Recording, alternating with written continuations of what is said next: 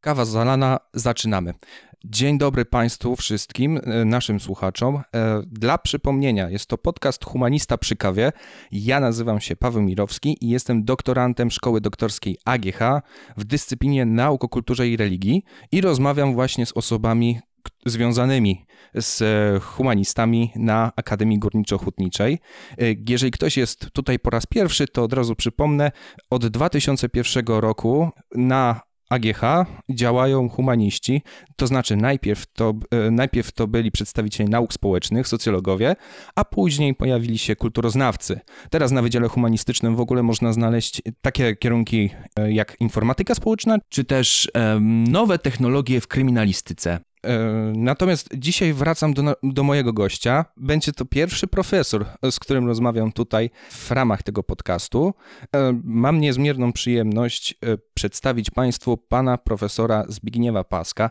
Dzień dobry. Dzień dobry, dzień dobry Państwu. Pan profesor Pasek związany jest z kulturoznawcami na Wydziale Humanistycznym AGH.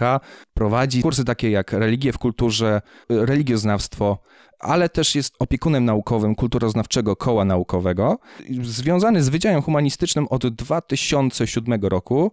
Od 2008 do 2012 roku pełnił funkcję dziekana Ojej. Słucham, słucham. To to, czy to były dobre czasy, czy nie? Ja myślę, że... No, nie było zarazy. o rany. No, tak, no do, dokładnie tak. To jest, e, e, to, to w ten sposób można pozytywnie, z sentymentem wspominać czasy sprzed parunastu lat. E, skoro to jest humanista przy kawie, to od razu pytanie, jaką kawę pan profesor pije? E, różne kawy piję, bardzo różne. Piję, wciąż szukam swojego smaku, wciąż eksperymentuję, kupuję jakieś nowe gatunki, mam jakieś dwa ekspresy, jakieś kawiarki i e, no, szukam, pracuję nad smakiem. To jest taki element, który się w moim życiu nie jest stały, tylko rozwojowy. Czy można nazwać e, w ten sposób pana profesora kawoszem? Może nie, bo ciśnienie nie pozwala mi pić więcej niż dwie kawy dziennie, ale stosując równolegle pigułki i kawę jakoś staram się i zdrowie zachować i smakowe przyjemności podeszłego wieku pielęgnować. E, ja mogę jeszcze tak powiedzieć Państwu, e, sam też byłem jako, jako student Wydziału Humanistycznego, uczestniczyłem e, w ramach zajęć, po prostu były prowadzone zajęcia z, z religioznawstwa i ja dobrze pamiętam na egzaminie pan profesor zawsze bardzo, i to uważam, że to jest bardzo ważne, pan profesor zawsze mówi, kiedy jeden ze studentów nagle powie, no nie jest tak jak u nas, jak, jak u nas u katolików, to pan profesor zawsze przedstawia, proszę nie mówić tak, bo ktoś może być buddystą. Tak, ja teraz mówię E, jeśli student mówi, no u nas jest tak, pytam na przykład o hinduizm czy o prawosławie i student odpowiada, u nas jest tak, a w prawosławiu to tak, a tak. Ja mówię, no ja nie wiem jak jest u nas, bo ja jestem taoistą i, i e, z moich sympatii taoistycznych chcę jakby nadać takim rozmowom o religii e, i szerszy kontekst. Studenci wychodzą tak jak wszyscy w tym kraju, wychodzimy z katolickiego backgroundu, z katolickiego domu i ale jednakowoż nauka innych kultur religijnych, innych religii wymaga takiej oderwania się od języka. I właśnie ja, ja, ja szczególnie cenię właśnie tym bardziej egzamin te, razem z wykładami, zwieńczenie, zwieńczenie kursów, że postrzeganie świata jest bardzo perspektywiczne. I, Miło to słyszeć, dzięki. I, i, i warto o tym pamiętać, że w, nawet już w Polsce przecież są nie tylko, nie tylko katolicy, jest, są, tysio, pra, już chyba można powiedzieć o tysiącach związków wyznaniowych.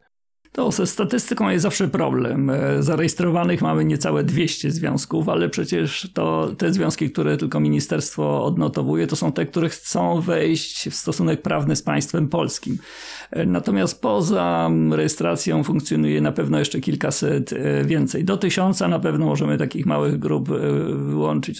Ciężko to tu ustawić wyraźną granicę, kto jest już religią, a kto jest tylko taką grupą para czy około religijną. No właśnie tak. E, w jednym z moich pyta pytań już miałem zaplanowane, e, jak odróżnić prawdziwą religię od joke religion.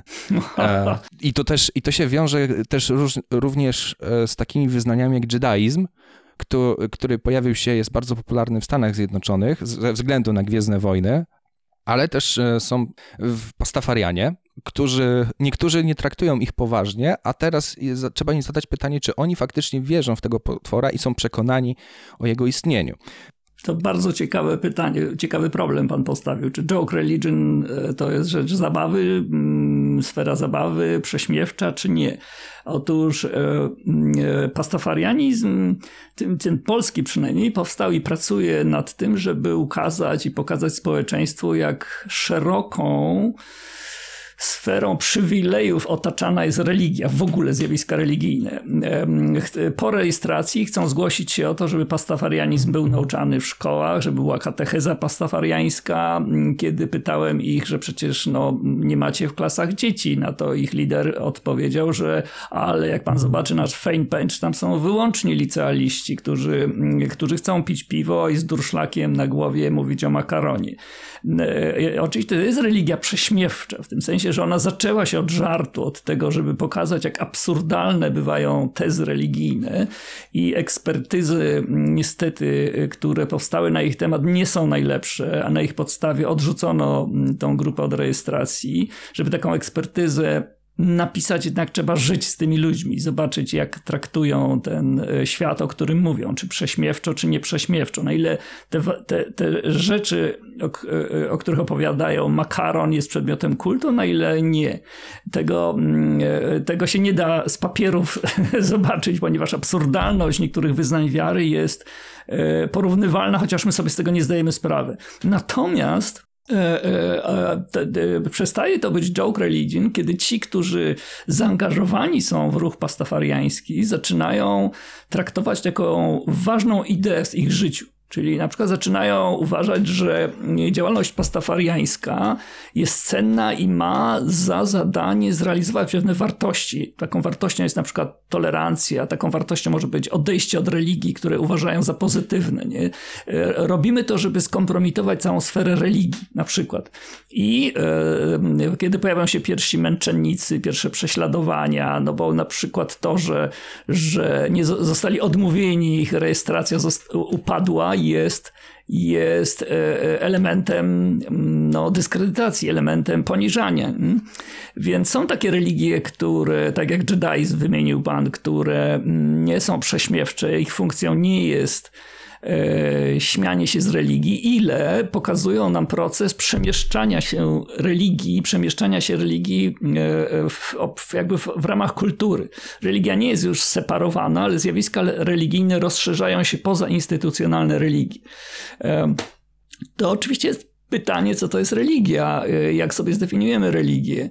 Ja wolę posługiwać się w swojej pracy codziennej pojęciem duchowość, bo myślę, że religia jest tylko jedną z form, których ludzka duchowość się wyraża.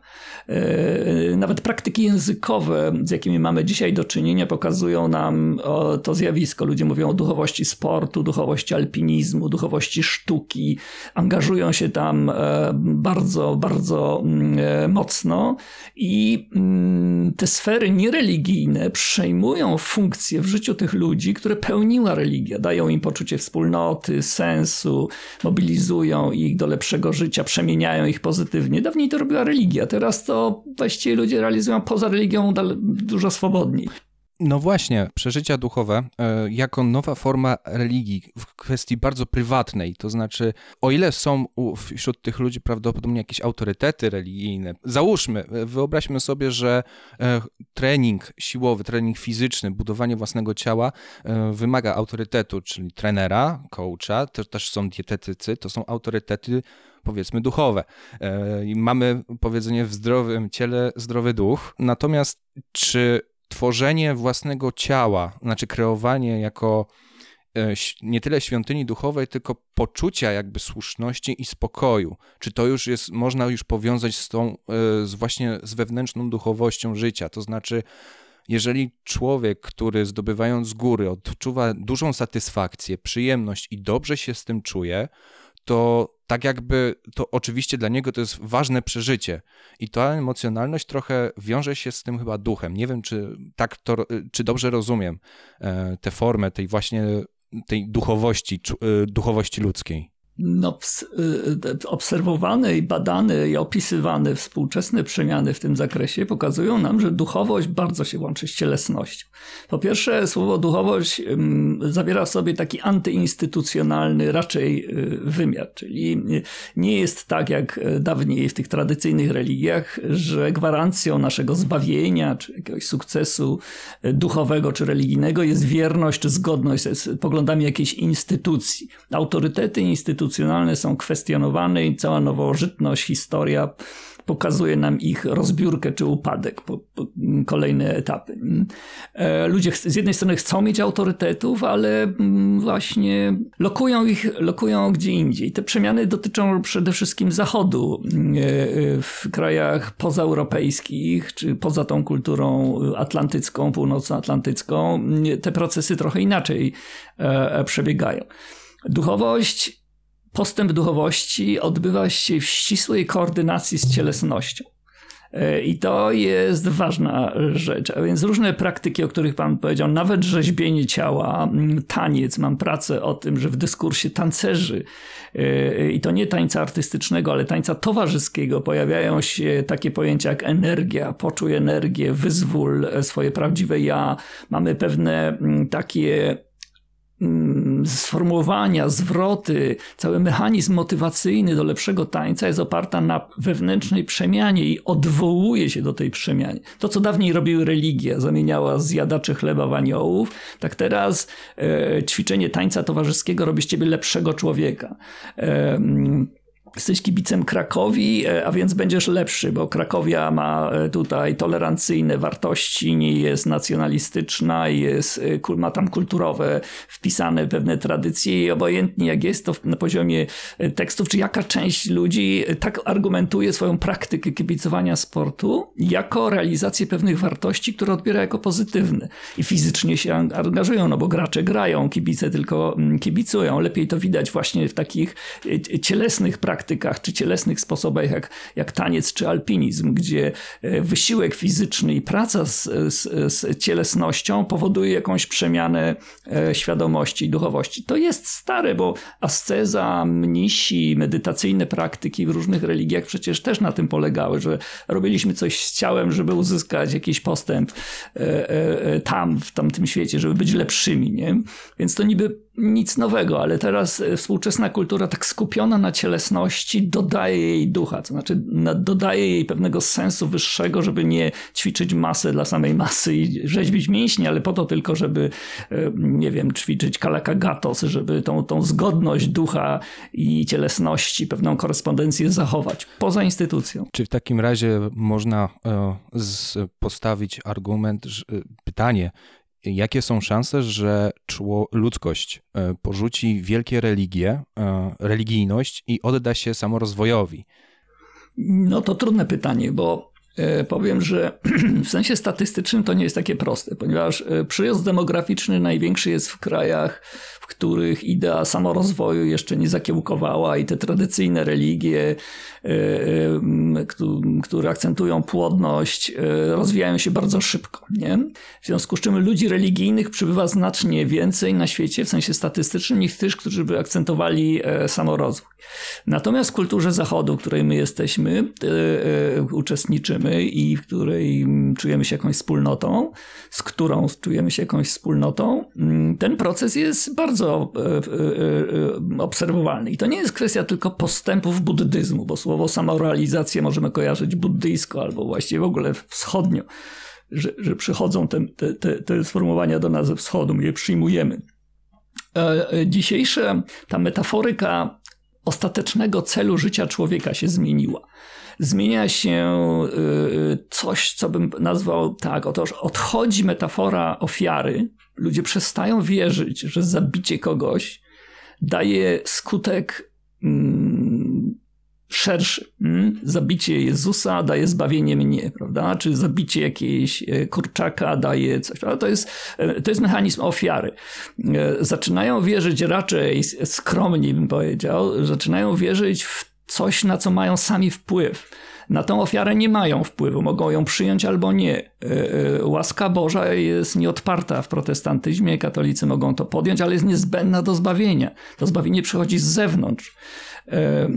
Dzisiejsza, dzisiejsi ludzie Zachodu coraz częściej, i tutaj ten proces postępuje, coraz częściej mówią: Nie, sam sobie wypracuję to po prostu. Nie? Sam jestem w stanie podjąć pewne procedury, które polepszą mój stan tutaj. I to, nie tylko ten taki doczesny fizyczny, ale też ten mentalny, taki, który daje mi pewien dobrostan duchowy, no przepraszam za to sformułowanie, ale tak bym to powiedział. To jest może skromniejsze, y, ale pewniejsze, uchwytne i, i no tak przesuwają się te parametry w naszych, w, naszych, w naszych badaniach. Samorealizacja to jest termin, który się upowszechnia bardzo mocno. Jedno ze słów kluczowych do, do tych przemian, tak, że pan dobrze tutaj e, trafił z tym słowem. Niezwykle kompletna odpowiedź. Wyprze, wyprzedzone, mo, moje pytanie zostało tak, już uprzedzone. Właśnie o koncepcji ducha i, i, ciała i też o mm, pozycji człowieka w tej realizacji. No mieliśmy taki tradycyjny, przepraszam, że wkraczam słowo, ten tradycyjny biblijny podział, który dzielił człowieka na ducha, duszę i cielesność, zmienił się w tym sensie, że z, z duszy została psychika i świadomość. E, e, pojęcie naszej duszy trochę rozmyło się i w tych samych kontekstach, w których dawniej funkcjonowało to słowo dusza, a dzisiaj mamy słowo świadomość. To jest jakby o to samo chodzi. To przesunięcie jest, to jest jakby e, jedna doniosła sprawa. Tam, gdzie kiedyś było łaska, teraz jest energia. Dawniej to dzięki łasce Bożej działo się coś w świecie. Teraz tym agensem jest energia. To jest też kolejne słowo klucz współczesnych przemian. Od, od energizerów poczynając na, na energii czakramów, energii duszy, w ogóle tego, żebyś był bardziej energiczny do różnych wezwań, e, tego jak cenimy sobie aktywność, za którą stoi energia życiowa i tak dalej. Nawet, nawet Kamil Stoch, zanotowałem sobie, mm, e, powiedział kiedyś, że zajął czwarte miejsce, bo nie było energii do dobrych skoków. Nie? Więc pomyślałem sobie, to jest dzisiejsza przyczyna, dla których dzieje się to, co się dzieje w świecie. Ten agent, ten sprawca. Nie Bóg, nie łaska, tylko to, że mamy, nie mamy energii, ta energia jest zachwiana, zła i i, I cała formacja duchowa czy mentalna wokół tego się wytwarza, bo, bo energię można zawiadywać, można ją traktować religijnie, ale można traktować ją jako kategorię absolutnie fizykalną. W podręczniku do szóstej klasy bodajże w szkole podstawowej przeczytałem taką definicję energii, z podręcznika do fizyki. Energia to jest coś, co umożliwia ciału działanie. Pomyślałem sobie, ależ to jest religijna, przepiękna definicja, nie? Bo te dzieci nie bardzo wiedzą, co e, umożliwia ciału działanie, a to wiedzą, że to jest energia i to jest, e, to jest takie pojęcie prawie że metafizyczne, e, wplecione w scjentystyczny nasz dzisiejszy współczesny umysł i naszą, naszą taką naukową mentalność, której musimy być wierni jako nie tylko akademicy, ale ludzie wykształceni. Nie? Chciałbym jeszcze wrócić właśnie do tematów nie tyle mm, pastafarianizmu, ile bogów ogólnie. Chyba obecnie teraz dużą popularność e, w, e, ma serial Amerykańscy Bogowie. Jest to adaptacja filmowa książki jednego z e, współczesnych pisarzy powieści fantastycznych, Nila Gaimana. I tam ten świat przedstawia się właśnie nie w niesamowity sposób, to znaczy mm, widzimy starych bogów, bogów przedchrześcijańskich, e, dzisiaj by się powiedziało rodzimowierczych. Są też nowi bogowie, to znaczy bogowie technologiczni związani ze współczesnym światem. I tutaj taka ciekawostka, co ciekawe, mm, ze wszystkich bogów wielkich, e, religijnych, e, na chwilę obecną, obecnie jest już trzeci sezon w sieci dostępny, nie pojawia się tam Bóg Jahwe, jeżeli, a jeżeli już, to Jezus i to w kilku różnych postaciach. I jest ten też bardziej, e, bardziej chyba ten bardziej, najbardziej właściwy Jezus, który mówi o sobie, że e, i on jest wiarą. I to właśnie co ciekawe, ci bogowie, oni potrzebują ludzi, do, e, ponieważ dzięki ich wierze oni mają energię do działania i wpływania na świat, na rzeczywistość i w ogóle na własną egzystencję. Tam jeden jeden z głównych bohaterów, od razu powiem, znaczy nie wiem na ile zaspoiluję, na ile nie temat, on się nazywa Pan Środa i to jest przedstawienie oczywiście Wotana lub też Odyna, który zadaje pytanie protagoniście, mm, czy, kto, czy ludzie stworzyli Boga na swoje podobieństwo.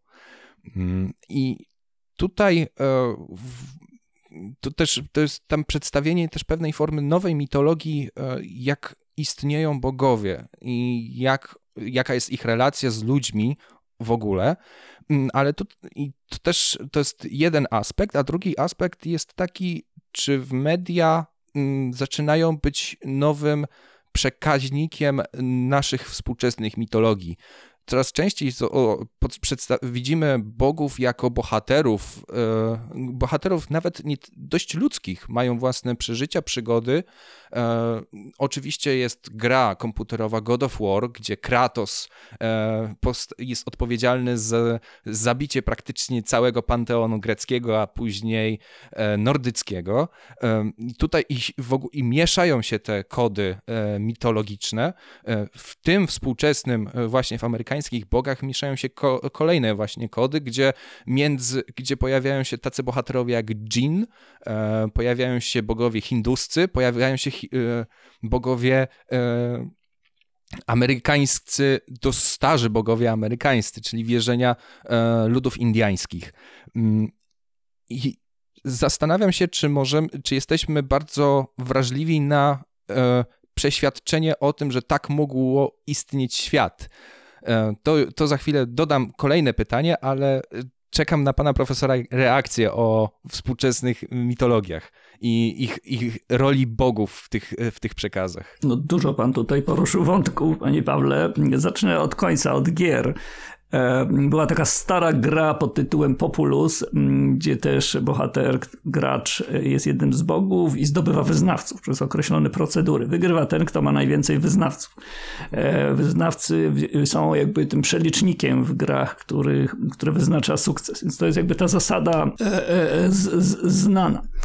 Myślę, że no, patrząc czy obserwując współczesną kulturę religijną, to może jedno zdanie bym e, jednak dopowiedział, dlaczego posługuję się tym terminem. Otóż nie tylko dlatego, że jestem i religioznawcą, i kulturoznawcą, a obecna reforma skleiła te dwie mm, e, dyscypliny w jedną, ale też dlatego, że e, jestem rzecznikiem badań Czegoś, co e, e, niemal 100 lat temu Czarnowski, Stefan Czarnowski na gruncie patron polskiego kulturoznawstwa i religioznawstwa nazwał właśnie kulturą religijną. Napisał całą taką książkę Kultura religijna ludu e, wiejskiego w Polsce i pokazał, że ci polscy chłopi to właśnie są poganie, pełno tam magii i jakby ich wierzenia są w rażącym kontraście z tym, co katolicyzm głosi, czy od nich wymaga.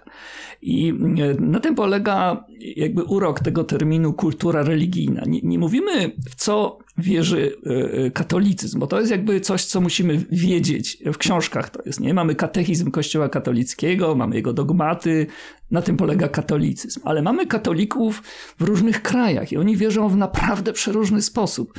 E, inaczej wierzą katolicy w Afryce. Msza według rytu zairskiego jest szokiem dla, dla europejskich czy tradycyjnych katolików. Inaczej iberoamerykańscy katolicy, inaczej niemieccy, a w Polsce między środowiskiem Radia Maryja, a środowiskiem Tygodnika Powszechnego i tu i tu są katolicy, są kolosalne różnice. To są naprawdę różnie wierzący, y, y, y, różnie wierzące osoby. Niby wierzą, przecież chodzą do kościoła tego samego. Wszyscy deklarują, że są katolikami, ale nie, dla kulturoznawcy nie ulega wątpliwości, że ich praktyki, świat wartości, interpretacja tego są odmienne i inne.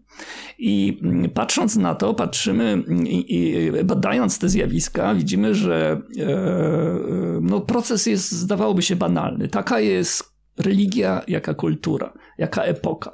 E, dzisiejsze czasy mm, wkładają nam w nasz język i w nasze wyobrażenia pojęcia scjentystyczne, pojęcia z gruntu nauki, pojęcia e, właśnie takie jak energia, którą przywoływałem, ale też inne. To, są, to jest metafora zupełnie inna człowieka. Człowiek nie jest siedzibą e, ducha, ewentualną oczywiście siedzibą ducha, człowiek jest baterią. Ta metafora mm, e, bardziej przystaje do tego. Jeśli jesteśmy słabi, to nie mamy siły, trzeba się dopompować, wziąć pigułki, zrobić sobie, nie wiem, transfuzję, wypić energizera i człowiek nagle zaczyna żyć. Nie? To jest bateria, to jest, to jest metafora baterii. To jest dużo bliższe dzisiaj. W związku z czym, jakiż język pasuje do takiego wyobrażenia o człowieku? Ano język, w którym takie słowa jak prąd czy, czy y, właśnie energia odgrywają kluczową rolę. I, mm, i do tego jakby za tym nadąża mitologia, za tym nadąża kultura popularna. Przykłady, które pan podawał, są z kultury popularnej, które usiłują pokazać jakby pewien kompromis między tradycją kulturową i przekazem, tymi dawnymi bogami i opowiedzieć ich jakby jeszcze raz na nowo współcześnie, opowiedzieć im e, współczesnemu człowiekowi. Można to zrobić li tylko dla pieniędzy, czyli, czyli, czyli zamienić na jakiś serial właśnie tak, żeby to się oglądało, a można to zrobić na sposób religijny. Scjentologia jest taką religią dla, naukową religią. E, e, więc de facto jest to psychoterapia, która stała się Mm, stała się religią, e, e, czy uważa się za religię. Ale to, co tam odnajdujemy, to są procedury psychoterapeutyczne i każdy psychoterapeut towarzyszy temu pewna mitologia, ale to jest, to jest coś, co jest doczesne, tutejsze i nie ma tam jakiejś nadnaturalności ogromnej, takiej, której byśmy się... Jest w części mitologii. Więc te procesy się mm, dzieją. Dzisiejszy przekaz, no poruszył Pan z problem mediów. To jest ogromne też zagadnienie, ponieważ Współcześnie przekaz kulturowy mm, bardziej niż przez tekst czy przez słowo przedostaje się przez ekrany. Jakby ta transmisja e, treści, mitów, e, wartości, no tego, tego, tych wszystkich elementów, które kojarzymy z kulturą, z światem, w którym też żyjemy. Kultura jest taką naszą otuliną przecież. E, która nas formuje, kształtuje, na którą my mamy wpływ, e, e, to wszystko mm, jest nam pokazywane, czy też mamy dostęp do tego za pośrednictwem ekranu. Rozmaitych ekranów, no, od komórki, tablety, komputery, telewizory i tak dalej. Tych ekranów mamy bardzo dużo. To powoduje, że Y, y, jest pewna odmienność form tego przekazu niż przekaz słowny zapisany tekstem linearnym, prawda? Czy, a co dopiero opowieść przy ognisku, taka narracyjna.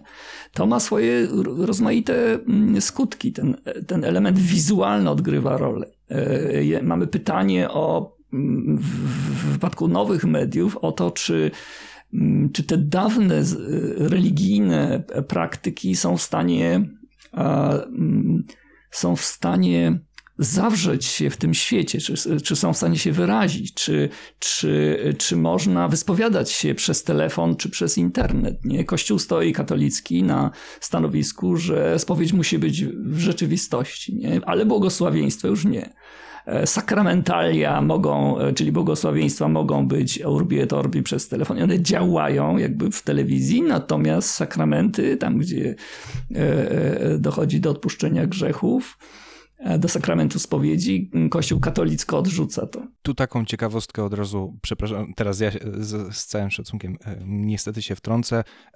Są w niektórych kościołach chyba zaobserwowane praktyki komunii duchowej i jest to cała przygotowana modlitwa do, kiedy ktoś jest gotowy e, włas, dla katolików własce uświęcającej przyjąć komunię, to e, księża e, przemawiają komunię duchową, gdzie łączą się z osobami, którzy zostali w domach obecnie ze względu na stan pandemiczny i w ten sposób mają jakby uświęcić czy potwierdzić przyjęcie tej komunii. Tak, to jest w ogóle zapoznana tradycja w katolicyzmie, ale dawna. To nie jest nowa rzecz, Panie Pawle. Na Soborze Trydenckim, to jest XVI wiek, w dekrecie o, o, o Eucharystii, jeśli dobrze pamiętam, o Najświętszym Sakramencie, tak się nazywa poprawnie, tak przetłumaczono, e, jest, jest e, obszerny, no tak obszerny, jest fragment o komunii duchowej, która jest możliwa e, jest pragnienie łączności z Bogiem i ono może się ziścić, ono jest mocne, tam są pewne warunki określone, także nie jest to jakby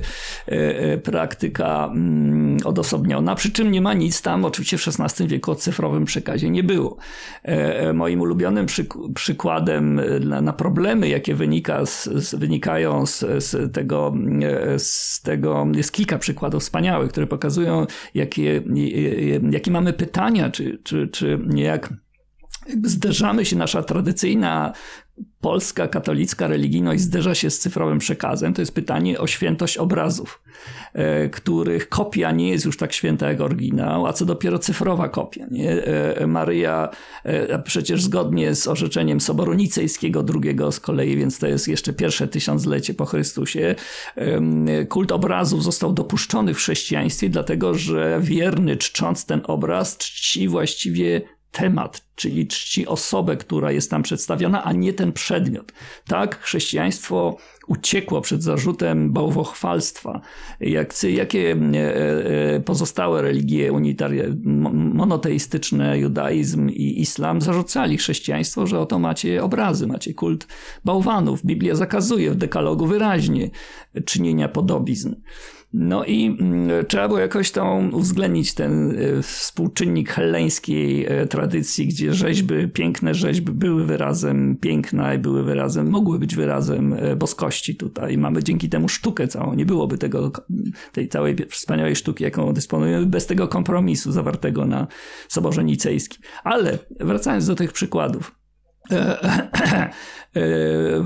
W Atlancie mm, było, mm, wszyscy urzędnicy, funkcjonariusze w Stanach Zjednoczonych składają przysięgę na Biblię, którzy podejmują swoje, swoją służbę. I na jednym z posterunków policji mm, brakło fizycznie Biblii, więc wczytano na tablet E, e, tekst Biblii i nowi policjanci złożyli przysięgę na ten tablet. Zrobiono im zdjęcie, poszło to w sieć i mm, Ameryka wybuchła w potężnej dyskusji, czy to się w ogóle liczy czy przysięga na Biblię na tablecie to jest przysięga na tablet, czy to jest przysięga na tekst Biblii.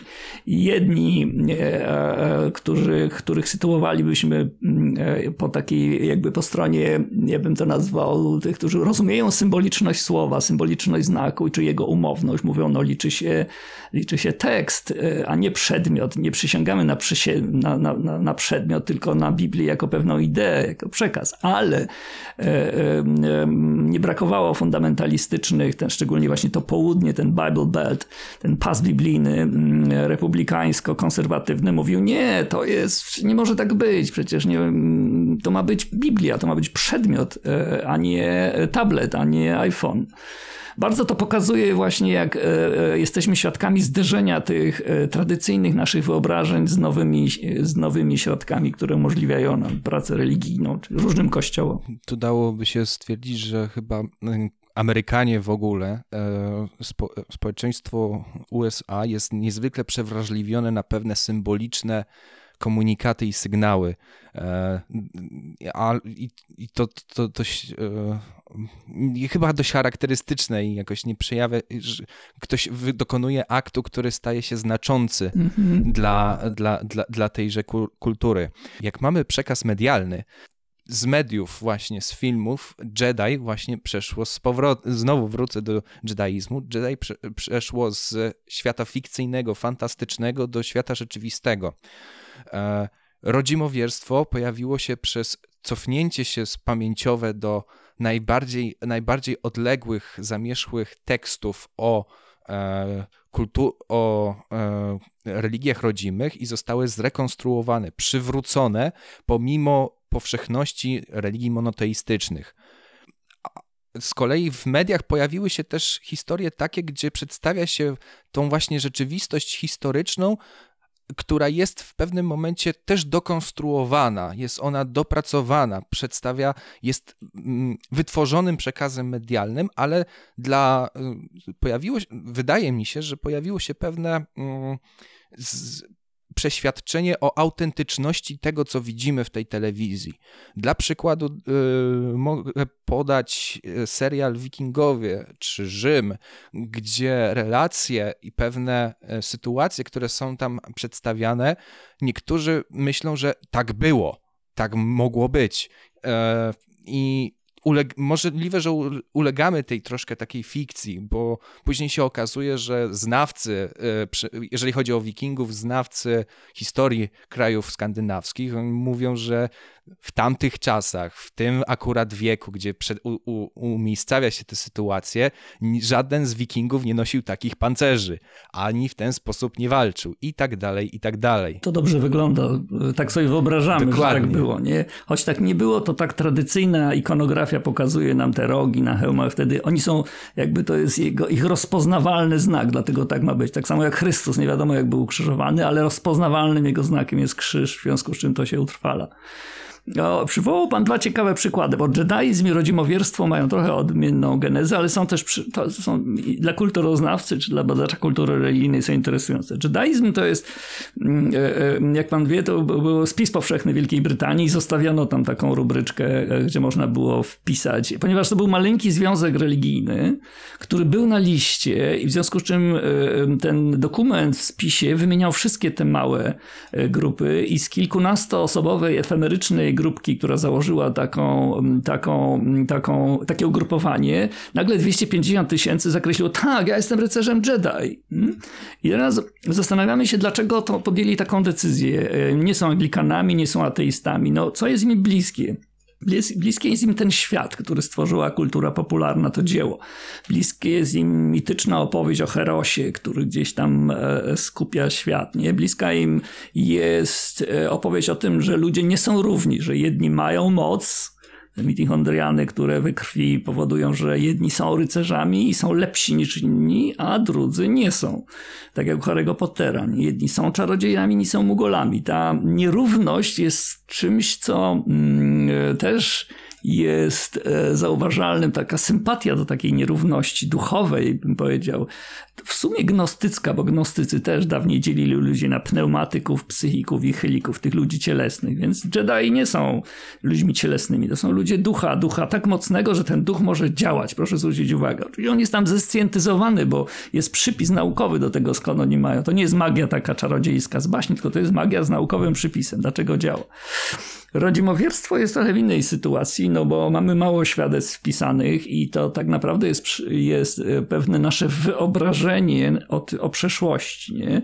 Mówimy ruchy rekonstrukcyjne, jakby to było mm, rekonstrukcja, mm, nie wiem, e, po, pozwalająca na dokonanie jakiegoś odtworzenia w przeszłości. Wiele z tych ruchów, oczywiście część ruchów rekonstrukcyjnych na tym polega, że mm, mężczyźni przebierają się w mundury, walczą strzelają i tak dalej. W religii jest gorzej, ponieważ nie jesteśmy w stanie dotrzeć do tej mentalności wczesnośredniowiecznej, e, więc właściwie wkładamy w szaty mm, takie materialnej, kultury materialnej, nasze wyobrażenia, mniej więcej opowiadając to językiem takim kompromisowym między współczesnością a przeszłością. Jak poczytamy wyznania wiary tych rodzimowierczych grup, to tam jest że oto jest właściwie jeden Bóg, ale on w jednej religii to jest Allah, w drugiej to jest Jahwe, w trzeciej coś tam i dla nas naszym Bogiem słowiańskim jest Swarożyn, Perun, powinniśmy być naszymi etnicznymi bogami, być wierni. My, go, my, ponieważ jesteśmy Słowianami, nazywajmy ich po słowiańsku, ale to jest jakiś jeden byt, nie? Więc, więc mamy współczesne wyobrażenie takiego monizmu, takie, takie przekonanie na pewno Słowianie nie mieli e, e, dawni. E, to, tu widzimy różnicę między, między tym, a e, tym, co znajdujemy w tekstach i w wiarze dzisiejszych rodzimowierców tych neopogańskich ruchów, a dawnymi Słowianami. Zawsze jest jakiś kompromis między współczesnością, tą kulturą, z którą ci ludzie wychodzą, a tym, co usiłują zrekonstruować, nie? czy starają się zrekonstruować nikt, nikt jeszcze chyba, przynajmniej w Polsce, nie zadał sobie pytania, czy w Grecji są nadal e, ruchy rodzimowiercze. Natomiast... Są Helenowie, w Polsce są Helenowie, naprawdę. E, o. W Grecji też są, są, są tacy, którzy wierzą w Zeusa, wstrzeszają e, te misteria Demeter. Oczywiście, że są takie ruchy jak najbardziej. Niesamowite. Trzeba to zobaczyć na własne oczy. No, prześlę panu linka. Dziękuję. I jeżeli, mam nadzieję, że zamieszczę go przy publikacji tego podcastu. -hmm. Jeżeli ktoś jest zainteresowany, to oczywiście zachęcam do odwiedzenia. Zbliżamy się do końca naszej rozmowy i chyba myślę, że mm, te wszystkie nasze przemyślenia mogę e, jakby częściowo zwieńczyć i do końca skomentować. Natomiast, e, ale zanim jeszcze e, powiem ten o, o, cytat, o, zacytuję tekst Mircea Eliadego, to jeszcze zadam pytanie, właśnie przypomniałem sobie, jako religioznawcy, czym, róż, czym różni się badanie religijności od badania wiary? I to jest trochę pytanie częściowo metodologiczne, ale częściowo konceptualne. Jak należy rozumieć?